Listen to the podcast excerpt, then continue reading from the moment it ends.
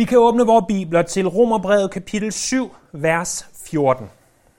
Romerbrevets 7. kapitel og 14. vers.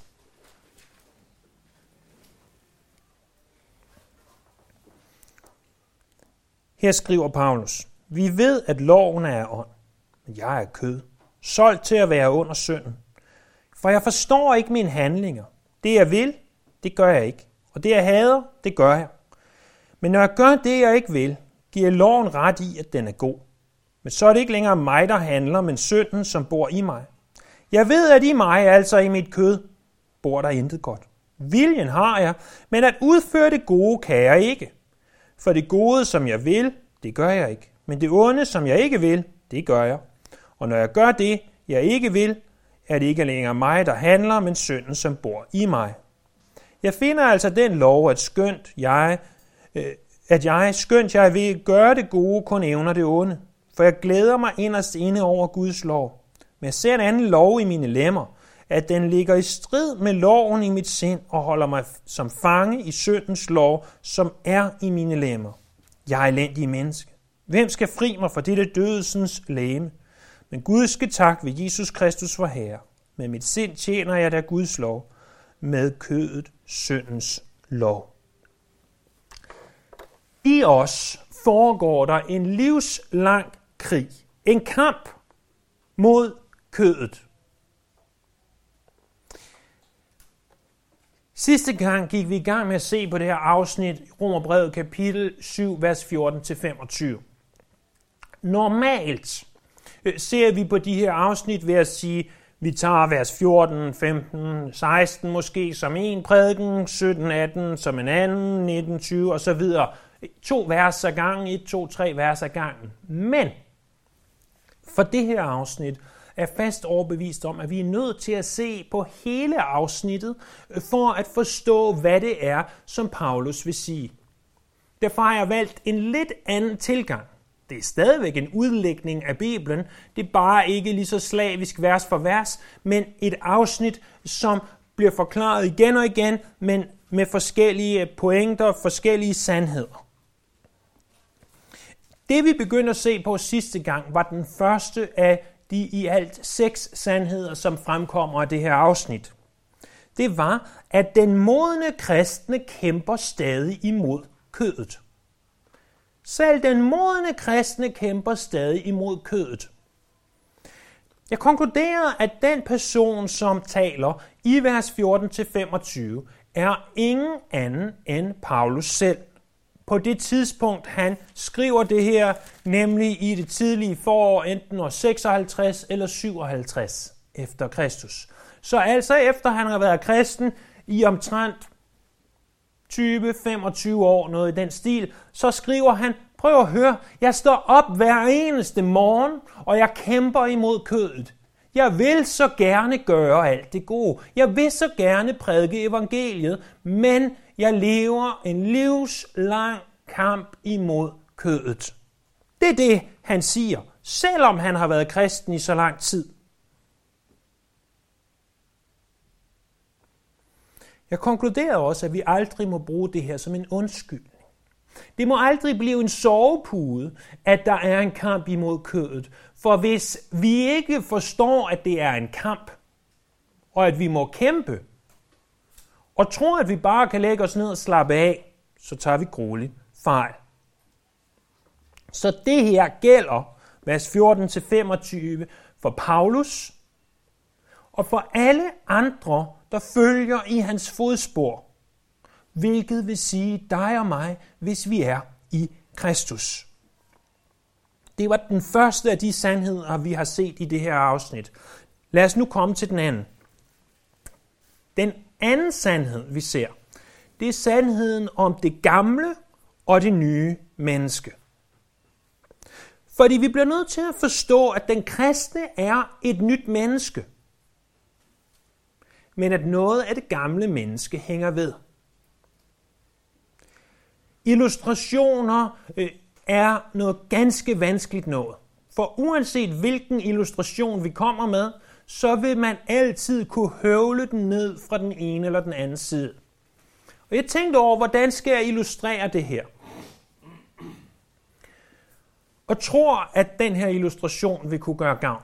For otte år siden var vi ved at få sat vores hus i stand. Og øh, vi havde øh, hyret nogle folk ind, og rimelig hurtigt begyndte jeg at se, at der var noget mærkeligt og anderledes ved de her folk. Og finder så ud af, at hele banden er Jehovas vidner. Så det er jo altid spændende at have halvdelen af en Jehovas vidnerforsamling gående i sit underetage, mens man selv sidder i overetagen. Og øhm, bare et af de punkter, som, hvor ved vi er dybt uenige med Jehovas vidner, er endetidssynet. Og, og jeg står og snakker med en af dem her. Øh, de var heldigvis ikke på timeløn i forhold til mig. De havde givet en fast pris, så jeg kunne snakke med dem lige så meget, jeg ville. Og, og, jeg siger, og han, han siger jo, at, at jorden bliver til det nye himmel og den nye jord. Nå, siger jeg, det tror jeg, der stod, at den skulle brænde op en dag, og at Gud vil skabe en ny himmel og en ny jord. Ja, men prøv at tænke på dit hus, siger han så. Nu går vi og sætter det i stand. Og engang lignede det en ruin, men når vi har sat det i stand, så kommer det til at være som spritnyt. Der oversolgte han nok sig selv en lille bitte smule. Øh, vi er rigtig glade for vores hus. Vi er også overordnet set glade for meget af det arbejde, de gjorde. Men, men det er altså ikke spritnyt. Det, det, det er det simpelthen ikke. Væggene er stadigvæk vind og skæve. Der er stadigvæk ikke isolering i murene, for det kan der ikke, fordi at der er ikke noget hulmur. Øh, udenpå ligner det ja, øh, en ruin, for at sige det mildt. Men indeni er det da dejligt. Men, men, men hvis den nye himmel og den nye jord er sådan, så, så har vi ikke så meget at se frem til. Men det fik mig til at tænke videre. Hvis vores hus ikke er, som vi egentlig... At det er jo ikke spritnyt. Hvad skulle der til, for at det havde været spritnyt? Jamen, der skulle en bulldozer til. Øh, så bulldoze det hele, og det vil være tåbeligt, for det er et godt hus, og, og det havde vi heller ikke råd til, og alt muligt andet. Men, men hvis man havde bulldozet det hele, jævnet det med jorden, gravet fundamentet op, og hvad der ellers skal til, og så plantet et helt nyt hus ovenpå. Så havde det været et nyt hus. Det vil jeg godt have, have givet ham. Så havde der været et nyt hus. Nu er der et gammelt hus, der er renoveret. Så har der været et nyt hus.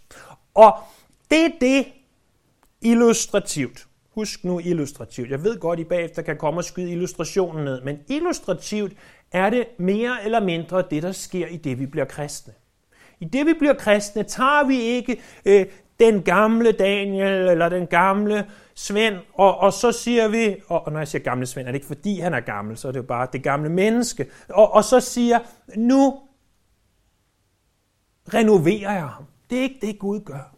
Han renoverer os ikke. Nej, han gør noget helt nyt. Han skaber et nyt menneske.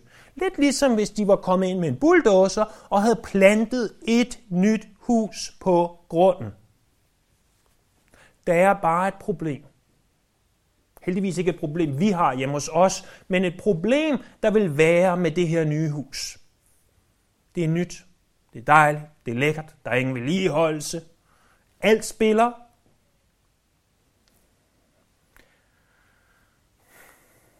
Men der er duften af kloak. Okay, stanken af kloak.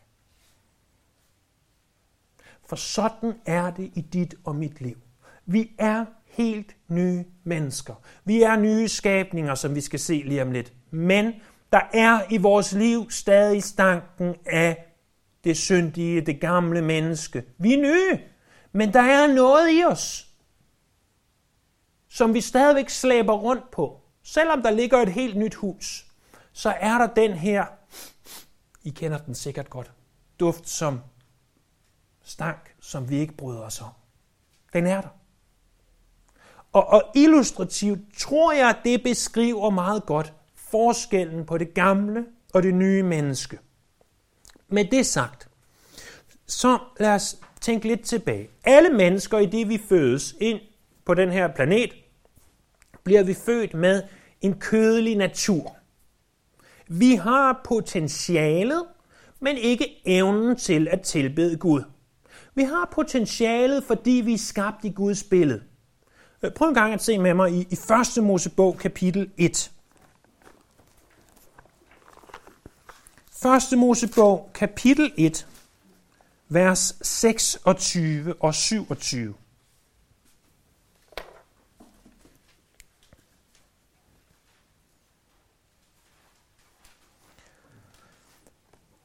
Det er relativt nemt at finde. Det er den første side i Bibelen, så, så det burde være, være til at hitte. Øh, I 1. Mosebog kapitel 1, vers 26. Gud sagde, lad os skabe mennesker i vort billede, så de ligner os. Mennesket er skabt i Guds billede, så de ligner Gud. Prøv at se så i kapitel 5 af 1. Mosebog, vers 1 og 3.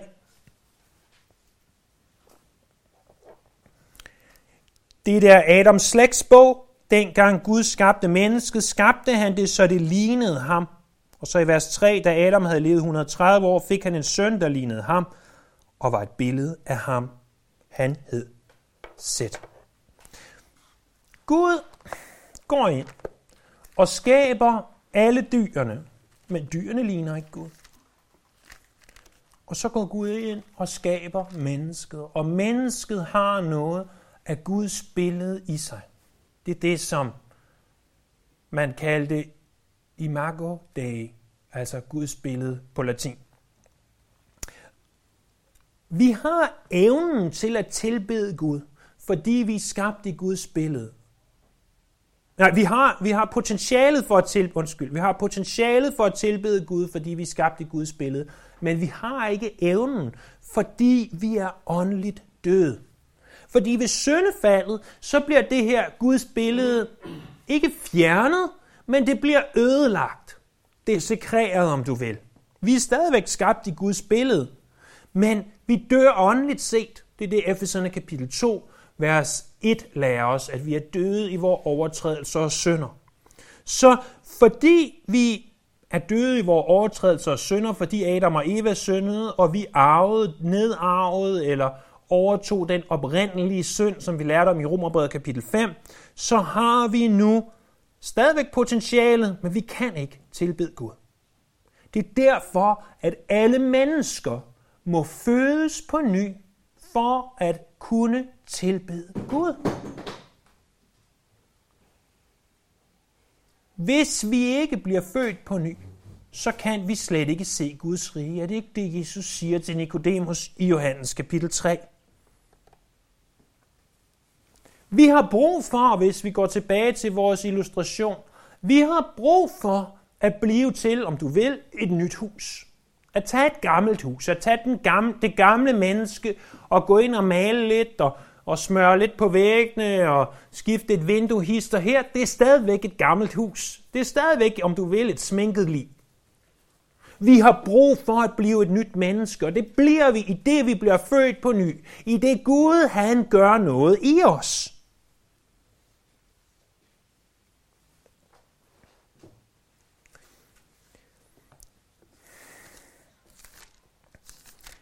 I 2. Korinther 5, 17 siger Paulus, altså er nogen i Kristus, er han en ny skabning. Det gamle er forbi, noget nyt er blevet til. Hvis du er i Kristus, så er det gamle menneske ikke længere det primære. Det primære menneske i dig er det nye menneske. Det primære i dig er, at du er født på ny. Det er dit virkelige jeg. Det er virkeligheden. Galaterne øh, kapitel 2, vers 19b og 20. Jeg er korsfæstet med Kristus. Hvad betyder korsfæstelse andet end død? Jeg, det gamle jeg, er korsfæstet med Kristus. Jeg lever ikke mere selv. Men Kristus lever i mig, og mit liv på jorden lever jeg i troen på Guds søn, der elskede mig og gav sig selv hen for mig. Og tilbage i vores romerbrev, i kapitel 6, vers 6. Vi ved, at vort gamle menneske er blevet korsfæstet sammen med ham, for at det lame, som ligger under for synden, skulle til gøres, for vi ikke mere trælle for synden. Spørgsmål. Og det her det er ikke bare et ja-nej spørgsmål. Forstår du, at du er et nyt menneske? hvis du er i Kristus. For jeg forstår det ikke altid. Og når det nogle gange slår klik for mig, og sætter mig næsten, næsten sætter mig hen i hjørnet på huk og græder og tænker, åh, hvor er jeg dog øh, en elendig kristen, eller hvor jeg tænker, hvor er jeg dog en elendig ægte mand, eller hvor jeg tænker, det her, det er slet ikke godt nok. Så er det fordi, jeg glemmer, at jeg er et nyt menneske i Kristus. Men når jeg synder, så er det fordi det gamle mig, det gamle menneske, det stinker stadig. Og det vil det blive ved med, så længe du er på den her jord. Prøv at se nu i vores tekst i kapitel 7 af Romerbrevet, vers 14-25. I vers 15. Jeg forstår ikke mine handlinger. Det jeg vil, det gør jeg ikke. Og det jeg hader, det gør jeg. Han undres over sine handlinger. Hvorfor undres han? Fordi han er født på ny. Fordi der er sket noget nyt med ham. Derfor undres han. Så prøv at se vers 16. Men jeg ikke gør, hvad jeg, når jeg gør det, jeg ikke vil, så giver jeg loven ret i, at den er god. Prøv at finde et menneske, der ikke er født på ny, og få dem til at give dig ret i, at loven er god. Det sker ikke. For han er et nyt menneske. Der er sket noget med ham. Vers 17. Der står, men så er det ikke længere mig, der handler, men det er synden, der bor i mig. Det er ikke længere det virkelige, det nye mig, den nye realitet. Det er ikke, igen om du vil, det er ikke det nye hus, der handler. Nej, det er stanken af kloak fra det gamle hus, der stadigvæk eksisterer. Vers 20. Når jeg gør det, jeg ikke vil, er det ikke længere mig, der handler, men det er synden, der bor i mig. Altså gentaget det, vi lige har læst i vers 17. I vers 22, der glæder han sig over Guds lov inderst inde. Og i vers 25, der tjener han Guds lov. Selvom der står et flot nyt hus på din grund, så er der den her kloaklugt, der stiger op. Nogle gange, for nogle stiger den op, oftere end for andre. Prøv at se i vers 14. Jeg er af kød, jeg er altså bestående af kød. Jeg har ikke undsluppet det endnu. Og, og jeg ved godt, at det er et paradoks det her. Du er et helt nyt menneske. Alt det gamle er væk. Se, alt er blevet nyt. Og alligevel er vi ikke undsluppet det endnu. Det er realiteten. Jeg er solgt til at være under synden, at den gamle natur hænger stadigvæk fast på en eller anden måde. Selvom alt er nyt, så hænger det stadigvæk fast. Han anerkender i vers 18, at i mit kød, der bor der intet godt. Den gamle natur, det gamle menneske, der bor der intet godt. Og at i kødet tjener han syndens lov.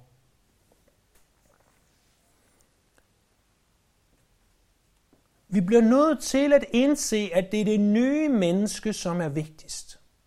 Det er det nye menneske, det er fordi du er født på ny, at du er frelst. Hvorimod det gamle menneske, det er altså kun en kloaklugt. Det er kun noget midlertidigt, og en dag, der vil det være helt væk. Men det påvirker os. Det påvirker os stadig. Hver eneste minut af vort liv. Det er ikke rart at gå udenfor, når det stinker af kloak. Det er ikke rart at leve det kristne liv, når du oplever, at selvom du er et helt nyt menneske, så synder du stadig. Det er da ubehageligt. Det stiller os da et dårligt lys, først og fremmest over for vores Gud, og dernæst over for andre mennesker. Men er det ikke vidunderligt at vide, at Gud han ser ikke på det gamle menneske, han ser på det nye menneske. Det menneske, som er i Kristus Jesus. Det er det, han ser på. Han tænker slet ikke over, at der var et gammelt menneske, som var synd. Han siger, alt det, det er væk. I mine øjne, der er det væk. Men det betyder ikke, at kampen ikke stadigvæk er der. Og det er det, som så bliver vores tredje sandhed. At der er en konflikt i os. For vi har set, at den modne kristne kæmper imod kødet. Det vil sige, at hver en af os, uanset hvor vi måtte være i vores vandring med Jesus, så er der en kamp imod kødet. Vi har også set, at der er den sandhed, at vi er nye mennesker, men at der stadigvæk er noget af det gamle menneske tilbage i os. Den tredje sandhed er altså, at det skaber en konflikt. Prøv at se i vers 23. Men jeg ser en anden lov i mine lemmer, at den ligger i strid med loven. Den holder mig som fange, står der i vers 23. Det er militærudtryk, der understreger, at der er en kamp. I Galaterbrevet, kapitel 5, vers 16-18, der skriver Paulus sådan her. Hvad mener jeg? I skal leve i ånden og ikke følge kødets lyst. For kødets lyst står ånden imod, og ånden står kødet imod. De to, de ligger i strid med hinanden, så I ikke kan gøre, hvad I vil. Der, der er en krig i os, en livslang togtrækningskamp, om du vil. Vi ved godt, hvem der vinder. Det gør ånden. Men det betyder ikke, at det ikke nogen gange er faretroende tæt på. Det vil aldrig ske, at vi taber, men derfor virker det nogle gange faretroende tæt på. Lad os prøve i Romerbrevet kapitel 7 at konstatere nogle af alle de kontraster, som er. Vers 14. Vi ved, at loven er ånd, men jeg er af kød. Der har vi en kontrast, ånd og kød. I vers 15. Jeg forstår ikke mine handlinger. Det jeg vil, det gør jeg ikke. Jeg vil gerne stå op om morgenen og læse min bibel. Jeg vil gerne bede mere. Jeg vil gerne være mere aktiv i min kirke osv. Alt det, jeg gerne vil, det gør jeg ikke. Men alt det, jeg hader, det gør jeg. Bagtaler min næste, snyder med alt muligt. Alle de ting, som er, er, jeg godt ved er forkerte, det har jeg ikke noget problem med. Det kan jeg sagtens finde ud af. Det er der en kontrast. Det er der en konflikt. Prøv at se vers 18. Jeg ved, at i mig, altså i mit kød, bor der intet godt. Viljen, den har jeg. Men at udføre det gode, det kan jeg ikke. Jeg vil så gerne. Jeg vil så gerne være, være den, den stærke kristne. Jeg vil så gerne kunne gøre en forskel i den her verden. Jeg vil så gerne bare kunne stoppe om morgenen og leve mit liv bare så nogenlunde ordentligt. Men jeg kan ikke. Jeg kan simpelthen ikke. Prøv så at se vers 21. Jeg finder altså den lov, at jeg skønt jeg vil gøre det gode, kun evner det onde. Igen. Jeg vil gerne det her, men jeg evner det simpelthen ikke. Og i vers 22 og 23, der ser vi glæden over Guds lov, kontra striden i mit kød. Den el- kristne, han elsker Guds lov, men han indser, at i sig selv, der kan han ikke leve efter den. Og det er jo højst besynderligt et eller andet sted. Det er sådan, og vi må stå måbne tilbage.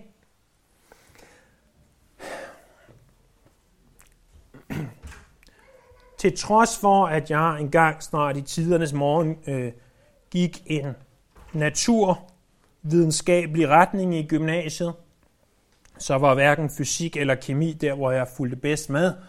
Og, og jeg kan ikke huske ret meget om tyngdelov og alt muligt andet. Det er muligt, vi har lært noget om det, men jeg forstår godt, hvad tyngdeloven er. Det er, at hvis jeg går rundt med kaffekoppen, skal jeg ikke give slip på den, fordi så har jeg ikke så meget kaffe tilbage i koppen ret meget længere.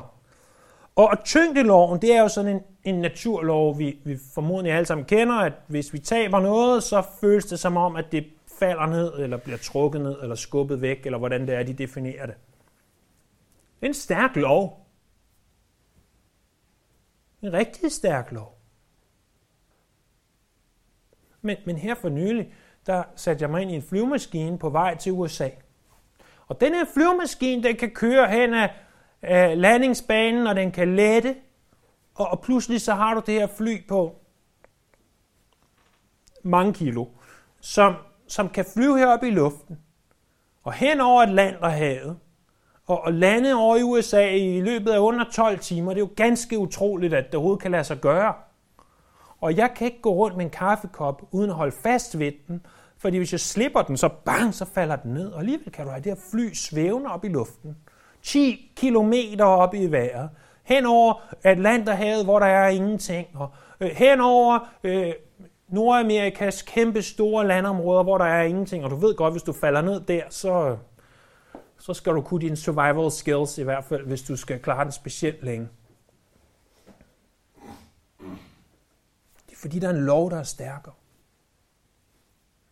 Det er aerodynamikkens lov, der gør, at hvis dit fly er lavet rigtigt, og du har den rigtige mængde kraft og så videre, så kan det holde dig oppe.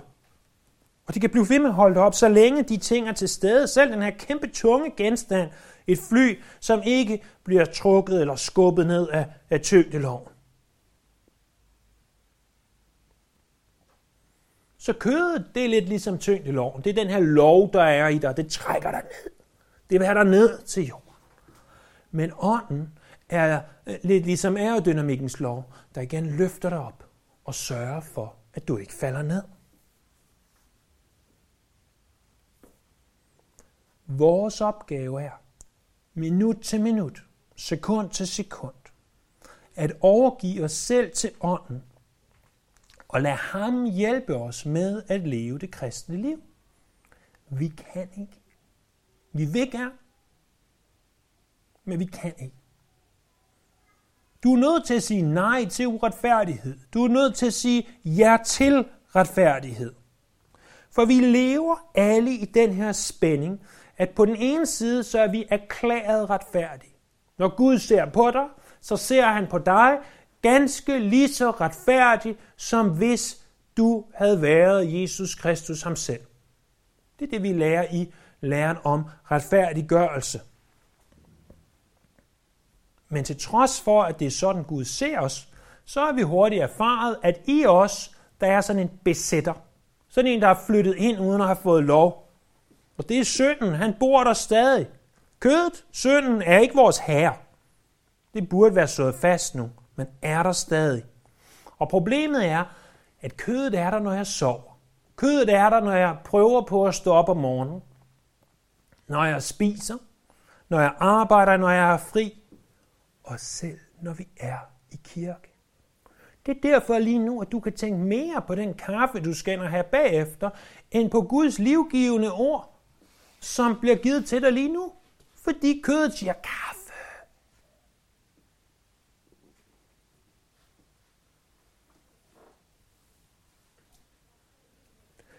Kødet betyder, at vi stadigvæk vil synde, selv om vi er genfødte kristne, selvom vi er født på ny. Det ved vi, fordi vi ser Bibelens store troshelte syndede. Prøv at tænke på Abraham. Han løj. Han løj så meget, så at hans elskede hustru var ved at blive øh, optaget i andres harem. Det ser vi på Moses, som dræbte, som blev vred. Det trods for, at han var det mildeste menneske, der levede på jorden. Det ser vi i David, en mand efter Guds eget hjerte, som begik ægteskabsbrud og mor for at skjule det. Det ser vi i Peter, der fornægtede Herren, og igen og igen sagde tåbelige ting. Det ser vi i Paulus, som her giver sit eget vidnesbyrd om, hvordan han levede. Det ser vi i os selv når vi holder vort liv op imod loven. Hvis du tager den oprigtige betydning af de 10 bud, og du i dag går hjem og siger, hvordan lever jeg egentlig efter de 10 bud, som de rigtigt skal forstås, så vil du indse, at du stadig synder, selvom du er en kristen.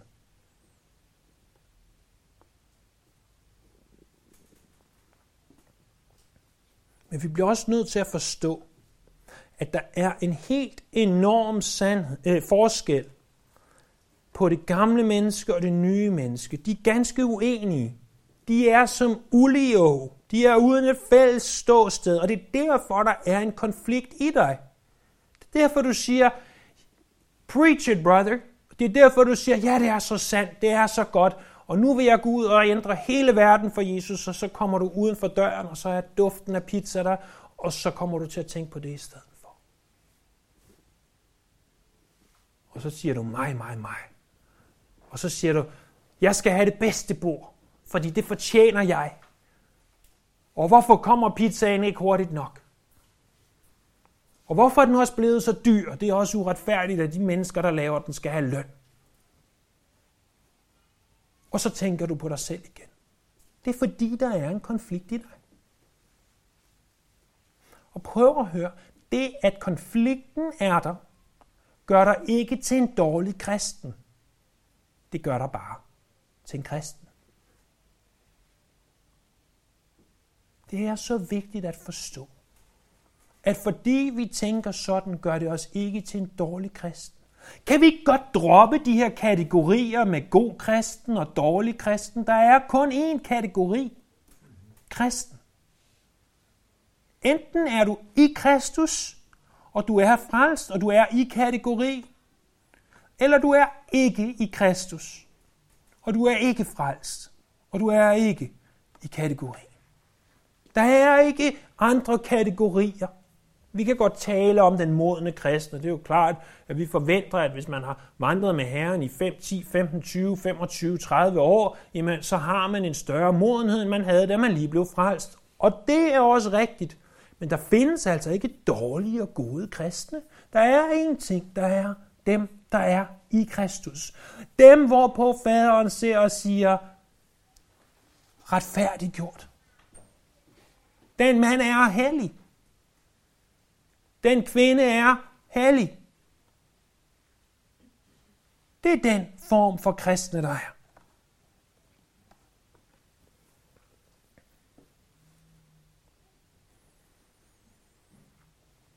Den her anden og tredje sandhed, som vi har set på, det er for det første, at vi er nye mennesker. Helt nye mennesker. Og alligevel så er der noget af det gamle menneske tilbage. Og derudover har vi set på, at fordi vi er nye mennesker, så skaber det en konflikt i os, så længe vi er her på jorden. Det leder mig til at stille nogle spørgsmål til dig i form af applicering. For det første, føler du den her konflikt? Føler du, at det er sådan her for dig? Du vil egentlig gerne gøre det her, men du magter det ikke altid. Hvis du føler konflikten, så kan du tage det som en rimelig god indikator på, at du rent faktisk er en kristen. Det er ikke den eneste indikator, men hvis du føler konflikten og anerkender din søn, og du væmmes ved din søn, din søn er noget afstødende, noget frastødende, noget du ikke bryder dig om, så er det en god indikator på, at du er frelst. Der findes andre indikatorer, men, men det er en af dem. For det andet, forstår du, og jeg vil sige, forstår du noget af det her, fordi jeg forstår det altså ikke fuldt ud, men forstår du noget af det her, at du er et nyt menneske? For jeg forstår det altså heller ikke øh, fuldt ud, og jeg søger dag til dag at prøve at forstå det bedre og bedre og bedre. Jeg vil da sige, at, at i det, jeg får lov til øh, øh, 5, 10, 15, nogle gange 20 timer på en uge at studere romerbrevet, øh, så øh, forstår jeg lidt mere af det. Forstår det bedre og bedre. Og det er en vidunderlig sandhed, at jeg nu har muligheden for at have fællesskab med Gud. Husk det her. Du skabte i Guds billede, men det billede er på sin vis ødelagt. Det er der stadigvæk, men, men det er ikke, hvor det burde være. Derfor har du behov for at blive født på ny, og i det, du bliver født på ny, har du igen muligheden for at have fællesskab med Gud. Er det ikke en vidunderlig sandhed? Han ser mit nye menneske. Han ved, at det gamle er dødt, men det stadigvæk spørger. Og jeg vil gerne opfordre hver en af os til at bruge tid på at forstå, hvad det her vil sige, at vi er nye skabninger i ham. Hvordan gør vi det? Det gør du ved for eksempel at læse Johannes evangeliet. Det gør du ved at læse 2. Korintherbrev, Efeserbrevet og Galaterbrevet. Derudover vil jeg også anbefale til dig Martin Lloyd Jones' prædikner, som, som ligger på mljtrust.org, hvor at, at du kan lytte til Martin Lloyd Jones, som udlægger Epheserbrevet i særdeleshed. Det, det er vidunderlig lære om det her, at vi er nye mennesker i Kristus. Lige fra det første vers. Og så den tredje ting. Det her er ikke noget, jeg normalt gør. Kom tilbage næste søndag. Kom tilbage næste søndag. For om Herren vil, så, så når vi skal se på den tredje og sidste gang i det her afsnit, så bliver du simpelthen nødt til at komme. Jeg har skrevet her mine noter, om du så næsten skal aflyse din egen fødselsdag, så bliver du nødt til at være. For det er der, vi får konklusionen og kulminationen på alt det her.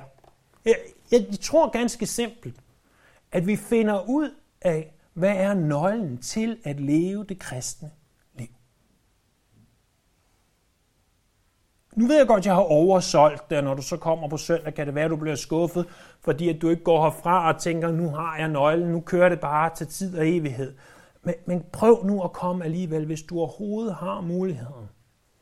Eller skab muligheden. Fordi øh, bliver nødt til at få den her tredje og sidste del af det her om kampen imod kødet med. Ellers er det ufuldstændigt. Lad os bede sammen. Himmelske far, skaber Gud. Vi står ganske, ganske ydmyget over for dig. For vi fatter det simpelthen ikke godt nok til, at vi egentlig helt forstår det. Og, og hvis vi sidder lige nu og føler os som et stort spørgsmålstegn, så beder om Gud, at det ikke må være min utilstrækkelighed i udlægningen, der gør det. Men at det bare må være, fordi det kan godt være svært, det her. Men hjælp os ved din ånd til også at forstå og acceptere det her. For det er det, vi, vi ønsker. Vi ønsker at kende dig bedre. At du må blive større, at forståelsen af dig må blive klarere her og at vi må vokse i noget og erkendelse af dig. Vi tilbeder dig her, vi ærer dig, og vi priser dig. Amen.